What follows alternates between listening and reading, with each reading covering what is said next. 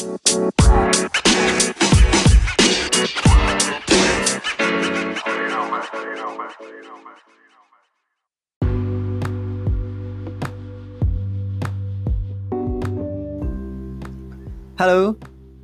welcome back.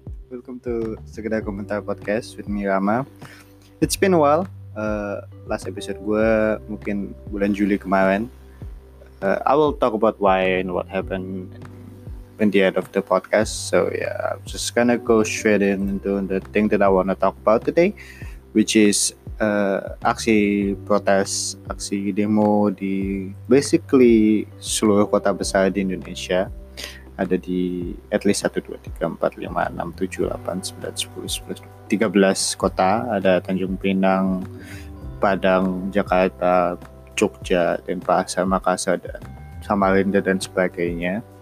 Uh, I think it's good that people want to uh, pay attention. People are actually paying attention to what's happening uh, di parlemen dan di pemerintahan and I think it's good that people have a say about it but sejujurnya gue sedikit skeptis terhadap uh, aksi protes ini gitu bukan karena gue nggak setuju dengan apa yang mereka lakukan dengan apa yang uh, mereka protes karena uh, RUU KUHP sendiri nggak bisa di nggak bisa di apa ya pungkiri. Memang banyak poin-poin yang bermasalah. Tapi gue gue sendiri jujur sebagai seorang yang sudah mempelajari tentang uh, bukan oke okay, I'm not I'm not gonna put myself in a position where I sort of put myself as a superior intelligent or something as somebody who knows more but I've studied uh, different sort of democracy in different places. Gitu gue ngikutin uh, election di US gue ngikutin election di Belanda gue ngikutin election di Australia dan also di Indonesia dan semuanya dengan sistem semi demokrasi ada demokrasi ada yang cuman pura-pura demokrasi cuman menurut gue dari semua tempat itu satu hal yang sort of hampir pasti itu adalah bahwa protes itu nggak efektif gitu karena ingat gak sih dulu zaman kecil ada yang pernah bilang oh uh, senjata terkuat dari demokrasi atau hal terbalik dari demokrasi adalah rakyat bisa protes, rakyat diperbolehkan demo. While that's true and that's a good thing, menurut gue demo itu nggak efektif. Karena at the end, uh, mau kalian demo kayak gimana, DPR dan pemerintah tidak berkewajiban secara konstitusi untuk mengikuti apa yang kalian demo ya mereka mempunyai apa namanya kewajiban etis dan moral untuk untuk mendengarkan kalian yang quote unquote sudah memilih mereka gitu. tapi mereka nggak ada obligasi untuk melakukan itu. Jadi uh, mau kalian nggak peduli ya mau kalian apa ya kuah-kuah kayak gimana teriak-teriak kayak gimana ya mereka nggak nggak wajib buat ngikutin apa pun itu yang kalian teriakin gitu. Dan menurut gue instead of protest the strongest tool for democracy is voting. That's it. Dan mungkin ini kalian udah capek kalau kalian memang udah sering dengerin podcast gue bahwa gue akan selalu bilang ya kita sebagai bagian dari demokrasi kita sebagai warga negara di society yang menggunakan sistem demokrasi memang tool terkuat kita, tool apa ya paling efektif kita adalah uh, hak pilih kita gitu. Dan uh, memang kemudian kesalahannya adalah kita berasumsi bahwa karena kita sudah memilih beliau atau orang tertentu uh, dia akan mendengarkan kita gitu. Padahal di sistem politik uh, kita kayak bayar di muka istilahnya. Kita ngasih vote terus kita percayain aja semua sama dia. Mau dia ngikutin apa yang dia janjiin mau dia uh, ngikutin apa yang kita minta di tengah-tengah terus ah, dia dia udah punya kuasa gitu. Tapi anyway uh, gue pengen ngomongin tentang RUU KUHP dikit. Karena menurut gue di Twitter gue nggak ngikutin sih sebenarnya seperti apa uh, conversation di Twitter. Cuman karena cewek gue halo Eca uh, emang avid Twitter reader terus dia kemarin kayak kamu ngikutin gak sih RUU KUHP gini-gini. Terus kayak gue kayak I don't know let me know. Apa kayak tell me what's what's about it? Terus kayak dia jelas dia jelasin tentang protesnya tuh kayak gini ada di sini di sini di sini. Terus ada beberapa pasal yang dipermasalahkan lah.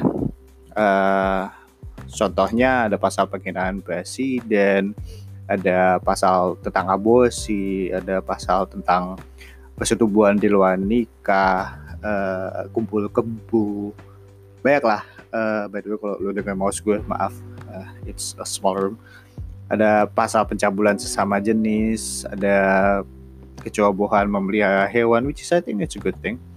Dan ada juga pasal tentang apa hukum adat dan gelandangan denda satu juta. Dan waktu gue denger itu dari cewek gue kayak dia yang bilang, iya masa gelandangan di denda satu juta gitu. Gue kayak yang, hmm, oke, okay, that's sad.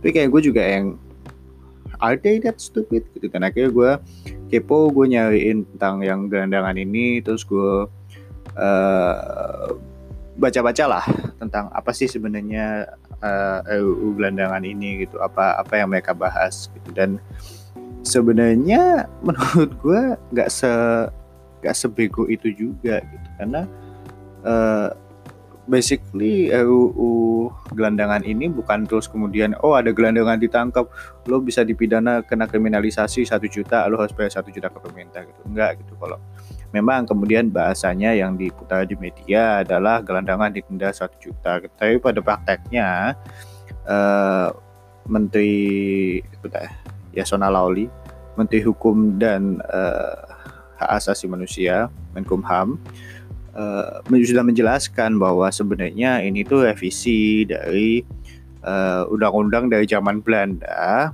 yang sebenarnya lebih kejam gitu yang yang apa kemudian dengan dengan revisi ini uh, memberikan aparatus bagi pelaksana hukum bagi apa penegak hukum untuk menindak gelandangan dan me, apa ya istilahnya memasyarakatkan mereka gitu. Makanya disebut lembaga pemasyarakatan kan lapas bukan bukan bukan penjara gitu karena emang mereka di sana di gak cuma dikurung gitu mereka diberi training mereka diberi skill-skill yang kemudian ketika mereka dikembalikan ke, ke masyarakat ketika mereka dikembalikan ke society mereka bisa berkontribusi tanpa menjadi benalu di pinggir jalan gitu. Dan uh, menurut gue kalau kalian baca itu dan nggak cuma Nasional Lauli doang yang bilang itu Fahri Hamzah juga kemarin gue ngecek di Twitternya dia dia juga meng, uh, menyebutkan hal yang serupa gitu. Dan orang-orang setuju gitu bahwa oh this is actually not a bad thing gitu. Dan uh,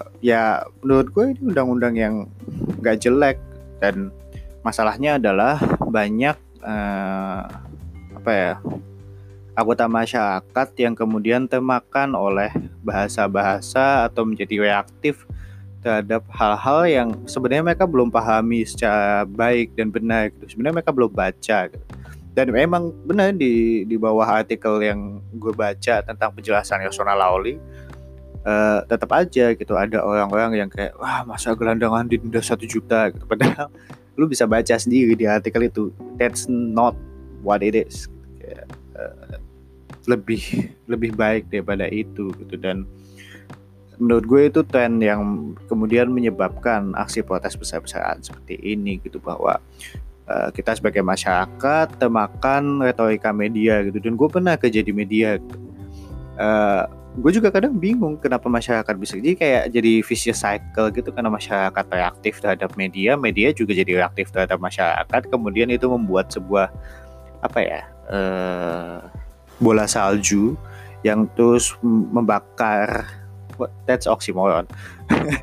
Bola salju yang terus mem, sort of membuat uh, gumpalan emosi yang kemudian membuat orang semakin skeptis terhadap pemerintah gitu. Padahal sebenarnya kalau kalian ikutin secara baik dan benar nggak 100% jelek juga apa yang dilakukan oleh DPR dan pemerintah. Oke, okay, granted that ada apa pasal-pasal yang gue nggak setuju gitu. Misalnya pasal aborsi pasal tentang uh, penzina apa berzina or whatever that is. Pasal tentang kumpul kebo pasal tentang penghinaan presiden. Pasal-pasal yang menurut gue untuk tahun 2009 udah nggak relevan lagi gitu. Apalagi untuk negara yang katanya mau menjadi negara maju gitu. Tapi ya itu salah satu dari konsolidasi politik. Karena memang apa climate politik kita sangat religi gitu sekarang. Dan itu adalah pasal-pasal yang mengikuti tren itu dan uh, kalian harus memposisikan diri di posisi pemerintah juga dan di DPR juga dan kalian harus uh, sort of membaca gitu bahwa mereka melakukan ini karena konstituen mau ini gitu. Kebanyakan dari pemilih di Indonesia uh, concern terhadap masalah-masalah pelecehan seksual, masalah-masalah berzina di luar nikah gitu yang menurut kita mungkin sebagai masyarakat modern hal yang udah nggak relevan lagi gitu karena ya sex is sex gitu. People wants to have sex and it's fine. I think it's good that people wants to have sex. Uh, and it's irrelevant whether it's within marriage or not gitu dan kalian setuju sama itu enggak itu hak kalian gitu cuman kan memang kenyataannya sekarang mayoritas pemilih di Indonesia seperti itu gitu dan kalau memang kalian ingin eh, undang-undang yang lebih progresif, undang-undang yang lebih liberal terhadap hal-hal seperti ini, ya nggak bisa cuma protes doang gitu. Hal yang bisa kalian lakukan adalah uh, datang ke bilik pemilihan, memilih wakil negara, wakil wakil negara, wakil parlemen, wakil legislator, wakil legislator apa sih gue mau ngomong apa sih? Wakil rakyat wakil rakyat yang kalian tahu bisa menjembatani apa ya uh, apa sih ke kepercayaan kalian itu prinsip kalian itu gitu excuse me. Dan mau protes kayak gimana kalau wakil rakyat yang kalian pilih cuman karena kalian temakan politik yang saat itu which is kampret versus cebong ya udah akan seperti itu terus gitu. Dan kita udah nggak bisa ngapain lagi if I'm being honest. Kita harus nunggu lima tahun lagi sebelum election selanjutnya sebelum apa hal hal ini bisa diubah gitu. Dan gue sangat skeptis bahwa itu akan berubah at the first place karena kita memang gampang banget makan sama hal-hal kayak gini gitu. Dan ya kayak ya kayak tadi kembali lagi ke RUU tentang gelandangan gitu ya. Kalau bahasa Indonesia tuh susah gue kerja di media tiga setengah tahun nulis bahasa Indonesia itu susah gitu. Jadi sehingga ketika kalau lu nulis untuk undang-undang bahasanya pasti akan susah banget gitu. Dan kalau kalian baca begitu aja pasti kalian ya ya ampun masa di denda satu juta? gitu. Padahal sebenarnya maksudnya bukan seperti itu gitu. Dan ketika uh, itu bocor ke media atau dirilis ke media media kemudian bertanya kepada pakar-pakar quote unquote yang mungkin sebenarnya nggak paham 100% juga gitu para aktivis-aktivis atau lembaga-lembaga sosial yang oke okay, tentu selalu akan beroposisi terhadap DPR dan apa eh, pemerintah. Kan somehow mereka selalu menaruh posisi di mana pemerintah itu salah gitu dan pemerintah tidak melakukan hal yang baik. Karena memang tujuannya ah, mereka ingin pemerintah melaku, uh, terus mengembangkan layanan mereka terhadap apa pun itu interest uh, uh, organisasi sosial itu gitu kalau misalnya ada organi ICJR atau organisasi sosial untuk anak-anak misalnya. Ya mereka pasti ingin pemerintah do more gitu which is masuk akal gitu. Tapi kemudian ketika media bertanya kepada mereka lalu mereka mengkritik itu membakar emosi masyarakat yang sebenarnya belum sempat baca gitu. Dan mereka jadi sebelum actually baca barangnya mereka udah bias against itu dulu gitu. Dan itu hal yang menurut gue berbahaya gitu. Karena uh, istilahnya kita nggak tahu uh, itu makanan pedes apa manis tapi kalian udah nggak udah tolak gitu bilang itu pahit. It's not a good metaphor. But yeah you know what I mean. So uh, apa pendapat gue tentang RUU KUHP apa komentar gue tentang RUU KUHP ada pasal-pasal yang gue nggak setuju uh, tapi pasal-pasal yang uh, menurut gue uh, tidak perlu diributkan seperti pasal-pasal yang uh, pasal penggelandangan didenda dan hal-hal seperti itu itu cuma masalah kita nggak uh, paham aja. Kita nggak mau mencari tahu lebih dalam. Karena waktu gue dengar pertama kali dari Eca aku juga kayak ah masa sih? What the fuck? Kayak yang that doesn't make sense. Why would we find somebody who doesn't have money a million rupiah gitu. Cuman kayak ketika gue baca lagi jadi masuk akal. Dan banyak kan gelandangan yang sebenarnya kaya terus habis itu apa namanya uh, mereka karena enak gampang ngemis akhirnya mengemis gitu. Dan pasti ada apa, apa uh, undang RUU ini apa undang-undang ini akan membantu aparatus negara untuk bertindak terhadap orang-orang seperti itu dan memutuskan apakah mereka akan dimasyarakatkan atau mereka akan dihukum gitu. dan uh, demikian pula dengan RUU tentang kemarin itu apa sih? Uh, oh yang diprotes di Twitter itu tentang mengajarkan seks edukasi. Hanya dari lembaga negara atau dari dinas kesehatan yang boleh gitu. Menurut gue itu bukan hal yang buruk juga gitu. Banyak aktivis-aktivis yang biasa membagikan tentang seks edukasi di Twitter yang katanya cewek gue marah-marah gitu. Ya udah kayak lo mau ada seks edukasi at all apa lo mau gak ada seks edukasi at all gitu? The fact that RUU ini memberikan basis hukum terhadap edukasi seks itu menurut gue kemajuan gitu. lo nggak bisa minta langsung tiba-tiba oh kita maju seperti Amerika. Nggak bisa kayak harus pelan-pelan. Dan menurut gue memang harusnya ada seks edukasi yang dilakukan oleh orang-orang yang mumpuni yang sudah di dari lembaga yang benar gitu. Dan kalau kalian emang passionate terhadap education, sex education dan bahasa hal itu penting ya take the right education take the right path to be part of the government so you can do something about it gitu. Instead of protes marah-marah di Twitter doang gitu. Karena at the end itu akan bikin noise yang nggak nggak konstruktif gitu buat pemerintah. Dan orang kadang lupa gitu bahwa pemerintah sama DPR itu dua badan uh, penyelenggara negara yang kadang berseberangan, mostly kadang oposisi satu satu sama lain, dan ketika dua-duanya menyetujui RUU KUHP atau dua-duanya menuju RUU KPK, itu berarti poin-poinnya sudah diterima dengan baik gitu oleh kedua pihak itu. Maka poin itu kita setuju apa enggak itu hal yang lain. Cuman bukan berarti kemudian uh, mereka seenaknya sendiri gitu. Bukan berarti DPR get their ways uh, mau ngapain aja bebas. Itu enggak. Pemerintah juga ada andil di sini. Dan kalau misalnya pemerintahan Jokowi udah setuju dengan DPR tentang hal-hal tertentu berarti poin-poinnya masuk akal. Uh, kalau seperti kita kembali ngambil contoh RUU KUHP uh, berarti memang uh, Jokowi mau melakukan konsolidasi politik, mau mengorbankan hal-hal seperti kebebasan seksual atau aborsi untuk mengakomodir hal-hal lain yang mungkin akan dia lakukan di ke depannya gitu. Sehingga DPR tidak mengoposisi dia sepenuhnya. Itu politik aja gitu. Dan memang kita harus paham juga kayak kita nggak bisa apa menolak sebelah mata. What? Apa sih menutup sebelah mata bahwa ini tuh panggung politik gitu dan kita harus lihat keputusan-keputusan uh, ini sebagai keputusan-keputusan politis gitu dan uh, gimana kemudian menanggapinya adalah tidak hanya membaca itu secara politis tetapi juga mengikuti itu secara uh, rasional juga gitu dan menimbang mana yang oke okay, ini keputusan politik yang nggak bisa diapa-apain mana ini ini yang keputusan baru bagus yang bisa kemudian kita perjuangkan dan didukung gitu. Dan menurut gue positif negatif reinforcement itu penting.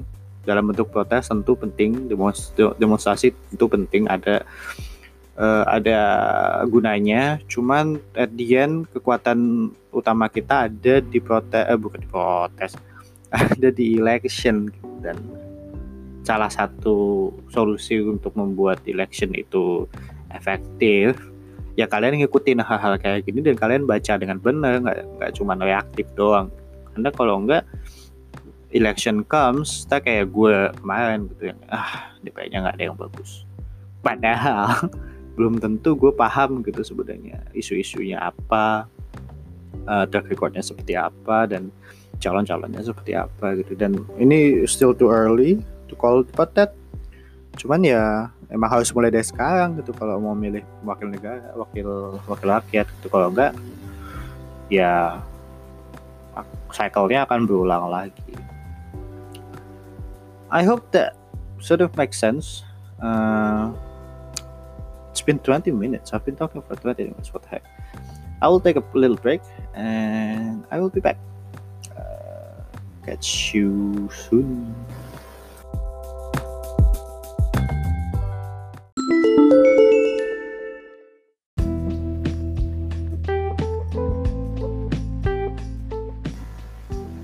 Welcome back uh, segmen 2 mungkin episode ini gue cuma akan kasih dua segmen. Karena I'm trying to make it less wordy and less panjang. Cuman you know me I tend to ramble on. Uh, anyway uh, nggak ada poin penting sebenarnya di segmen 2 ini except for gue mau me kalian untuk nonton wawancaranya Trevor Noah satu yang bareng Edward Snowden. Dua yang bareng siapa namanya? Greta Thunberg. Uh, kalau lu kalian semua pasti tahu siapa Edward Snowden. Dia masih in exile. Dia masih bersuaka di Rusia karena uh, mau dihakimi di US dan dia merasa uh, tidak apa trialnya nggak akan adil. So that's why he's been there for the past six years at least.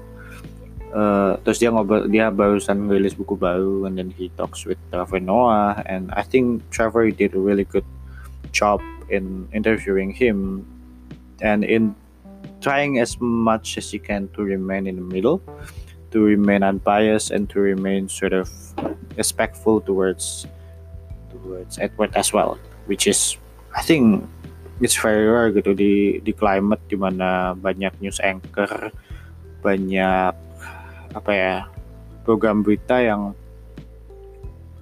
uh, termakan agenda mereka sendiri gitu. Kayak misalnya uh, eh, CNN gitu agenda mereka yang against Trump atau agenda mereka yang sangat kiri gitu sangat demokrat.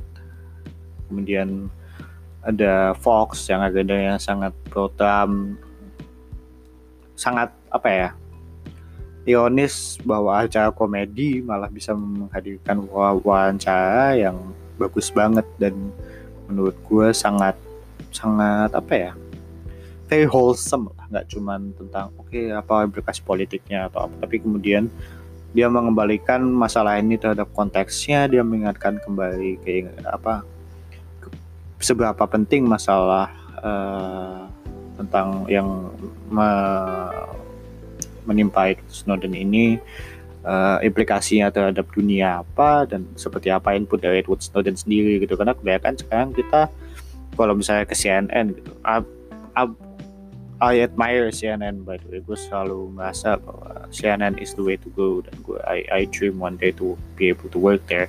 Cuman memang nggak bisa dipungkiri mereka uh, terkadang termakan sendiri sama etik etik kerja mereka atau uh, editorial message mereka gitu bahwa mereka uh, menghadirkan analis ini, analis itu, analis ini, analis itu, terus ngomongin tentang Edward Snowden dari sisinya berjuta-juta dari berbagai sisi yang kemudian malah bikin diskusinya jadi cloudy gitu. Jadi kayak sebenarnya ngomongin apa sih? Sedangkan Trevor just he just wanna talk about what happened and what Edward think about it uh, the good thing, the bad things, and how he feels about it, and be human about it. I think that's really lacking in 2019, and I think it's very sincere, and I really like that. Dan sama juga dengan uh, wawancara dia kepada Greta Thunberg gitu ya.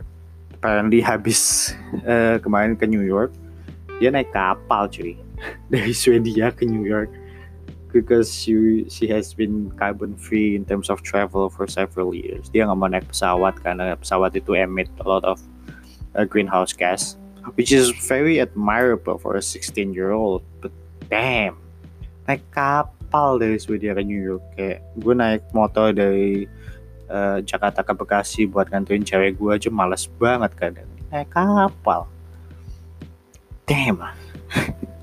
And the interview is really good of course. And I don't know uh, gue kayak tadi mungkin di segmen sebelumnya gue selalu skeptis selalu pesimis terhadap aktivism uh, menurut gue itu hal yang perlu tentu tapi gue selalu merasa hal itu tidak efektif gitu. dan mungkin gue salah mungkin karena gue nggak pernah terlibat di situ juga. Tapi uh, satu-satunya aktivisme yang menurut gue sangat perlu dan sangat efektif adalah apa yang dilakukan oleh Greta Thunberg gitu. Bahwa dia menunjukkan bahwa kita kaum muda mereka kaum muda bahkan gue tidak termasuk kaum yang mereka peduli terhadap climate change dan meminta menuntut bahwa climate change uh, we do something about it. Uh, and it is quite concerning.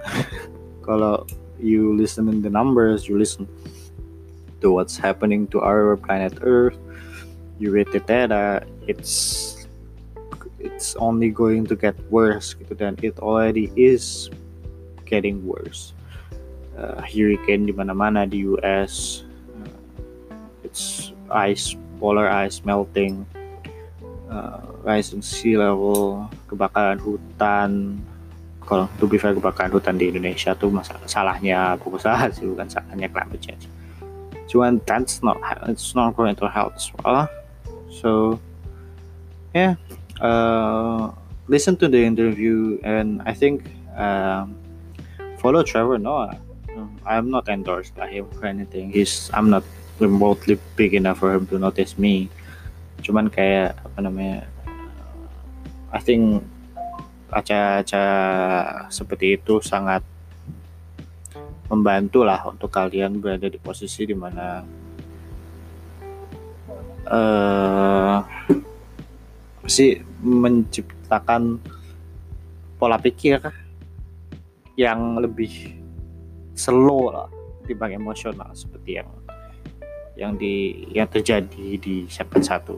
Si gue mau sorry gue distracted cari gue tiba-tiba uh, what's up um that's it. Uh, don't wanna talk much.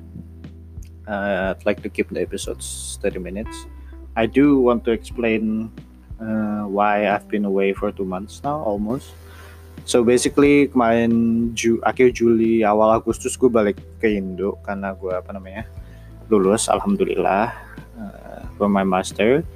So I'm back in Jakarta now and it, took a while for me to set up a new PC. Um, even the recording setup now is not ideal. I think it's too noisy here. Hopefully kalian nggak bisa dengar suara AC gue yang kencang di kamar lama gue.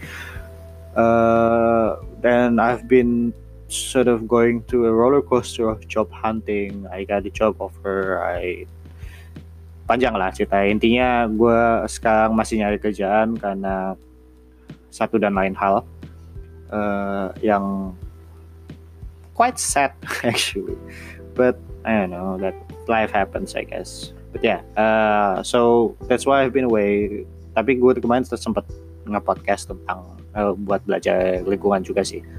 Uh, so I was also distracted by that. So I apologize if for the last probably four months I haven't been uh, doing much for this podcast. But I think this podcast has been doing quite reasonably well apalagi somehow episode Bruno Mars sama Ed Sheeran getting a lot of traction. So if you guys come here because of that thank you. Uh, I will try to do more episodes like that I guess because I talk about politics too much. And yeah hopefully you enjoy the podcast. Uh, keep coming back if you like it. If you don't that's okay too. If you want to reach out to me you can uh, email us at sekedarkomenpodcast at gmail.com or might not be that. Baca di description podcast aja gue, suka salah kalau ngasih nama apa ngasih alamat email. But yeah uh, that's been it. I just wanna say hi again after a few months. Thank you for listening to us to me basically I guess. Uh, and I hope you enjoy the podcast and say hi uh, if you want to. And yeah have a good week and hopefully I will see you in the next few days or next week. Bye bye.